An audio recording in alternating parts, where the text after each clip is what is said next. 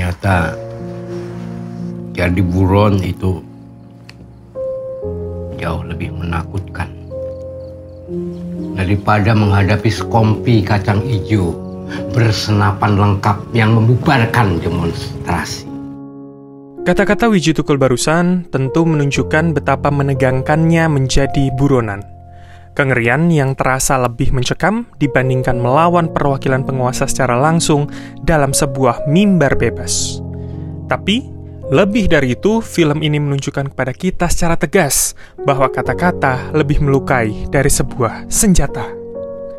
Kalian mendengarkan broadcast episode review film Istirahatlah Kata-Kata.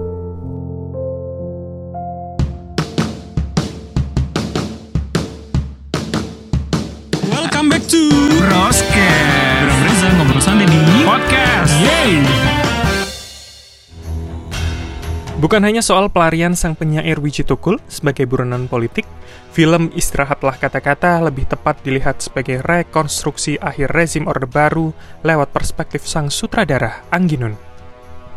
Sebuah biopik ikon perjuangan melawan rezim yang menunjukkan ketimbang relasi kuasa antar penguasa dan pihak penyeimbang. Kekuatan penguasa yang jauh lebih kuat dan bisa menekan lawan politiknya dari segala arah segala sisi, hingga masuk di ruang paling privatnya, yaitu keluarga. Tekanan ini memang bisa kita rasakan sejak awal film. Melalui kewaspadaan Wiji Tukul dalam berbagai lokasi pelarian, kita sebagai penonton juga dibawa ikut dalam atmosfer ketegangan. Melalui cara Wiji Tukul yang sigap dalam memantau sekitar, cara berjalannya, serta berpakaian Wiji yang khas seperti sedang menyamar, Hingga cara Wiji berkomunikasi dengan orang lain seakan memperkuat atmosfer tekanan yang dirasakan oleh tokoh utama sejak awal film. Istirahatlah kata-kata seakan ingin merekonstruksi seberapa berkuasanya rezim Orde Baru walaupun sedang berada di ujung tanduk, menggunakan setiap unsur kekuatannya dalam menyingkirkan suara-suara yang berpotensi mengganggu sebuah status quo.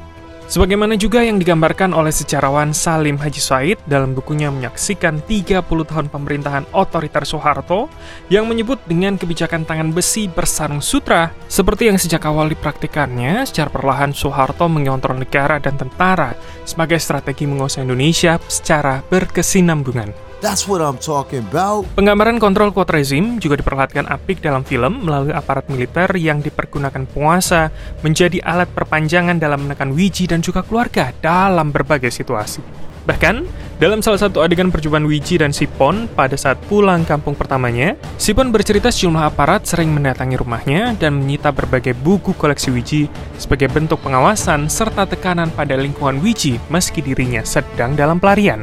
Omai kerap ditekani polisi, tentara, intel. Sopo cukup teko koyo maning. Dialog lain antara Sipon dan Wiji yang juga menunjukkan tekanan sosial yang diterima keluarga adalah saat Sipon menceritakan tidak ada satupun tetangga yang menanyakan atau membicarakan Wiji Tukul setelah pelarian karena takut dianggap tahu dan terlibat dengan apa yang dilakukan oleh sang buronan. Sebuah penggambaran atas kuatnya hegemoni rezim akan suatu narasi kebenaran yang mau tak mau diikuti oleh masyarakat luas yang tentu memiliki konsekuensi negatif jika ada pihak yang mencoba melawan arus utama yang dalam hal ini adalah rezim Orde Baru. Hal lain yang menarik dicermati dalam film adalah soal penyitaan buku koleksi Wiji di rumahnya, yang tentu menjadi tindakan yang tak asing kita dengar apalagi selama rezim itu berkuasa. Buku-buku yang tak jarang berhaluan kiri, bahkan beberapa bertema Soekarnois menjadi sasaran utama penyitaan. Oh.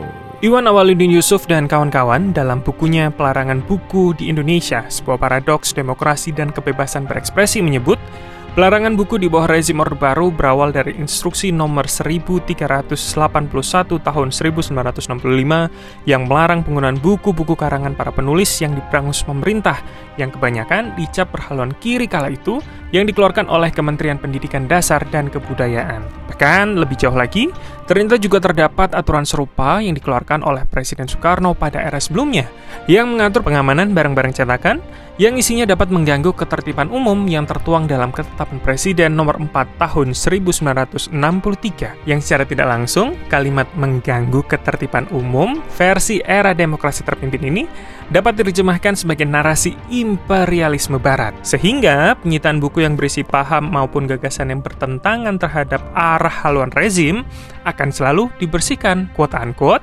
demi mengendalikan sejarah maupun narasi yang juga melegitimasi sebuah kekuasaan. Sorry, not sorry.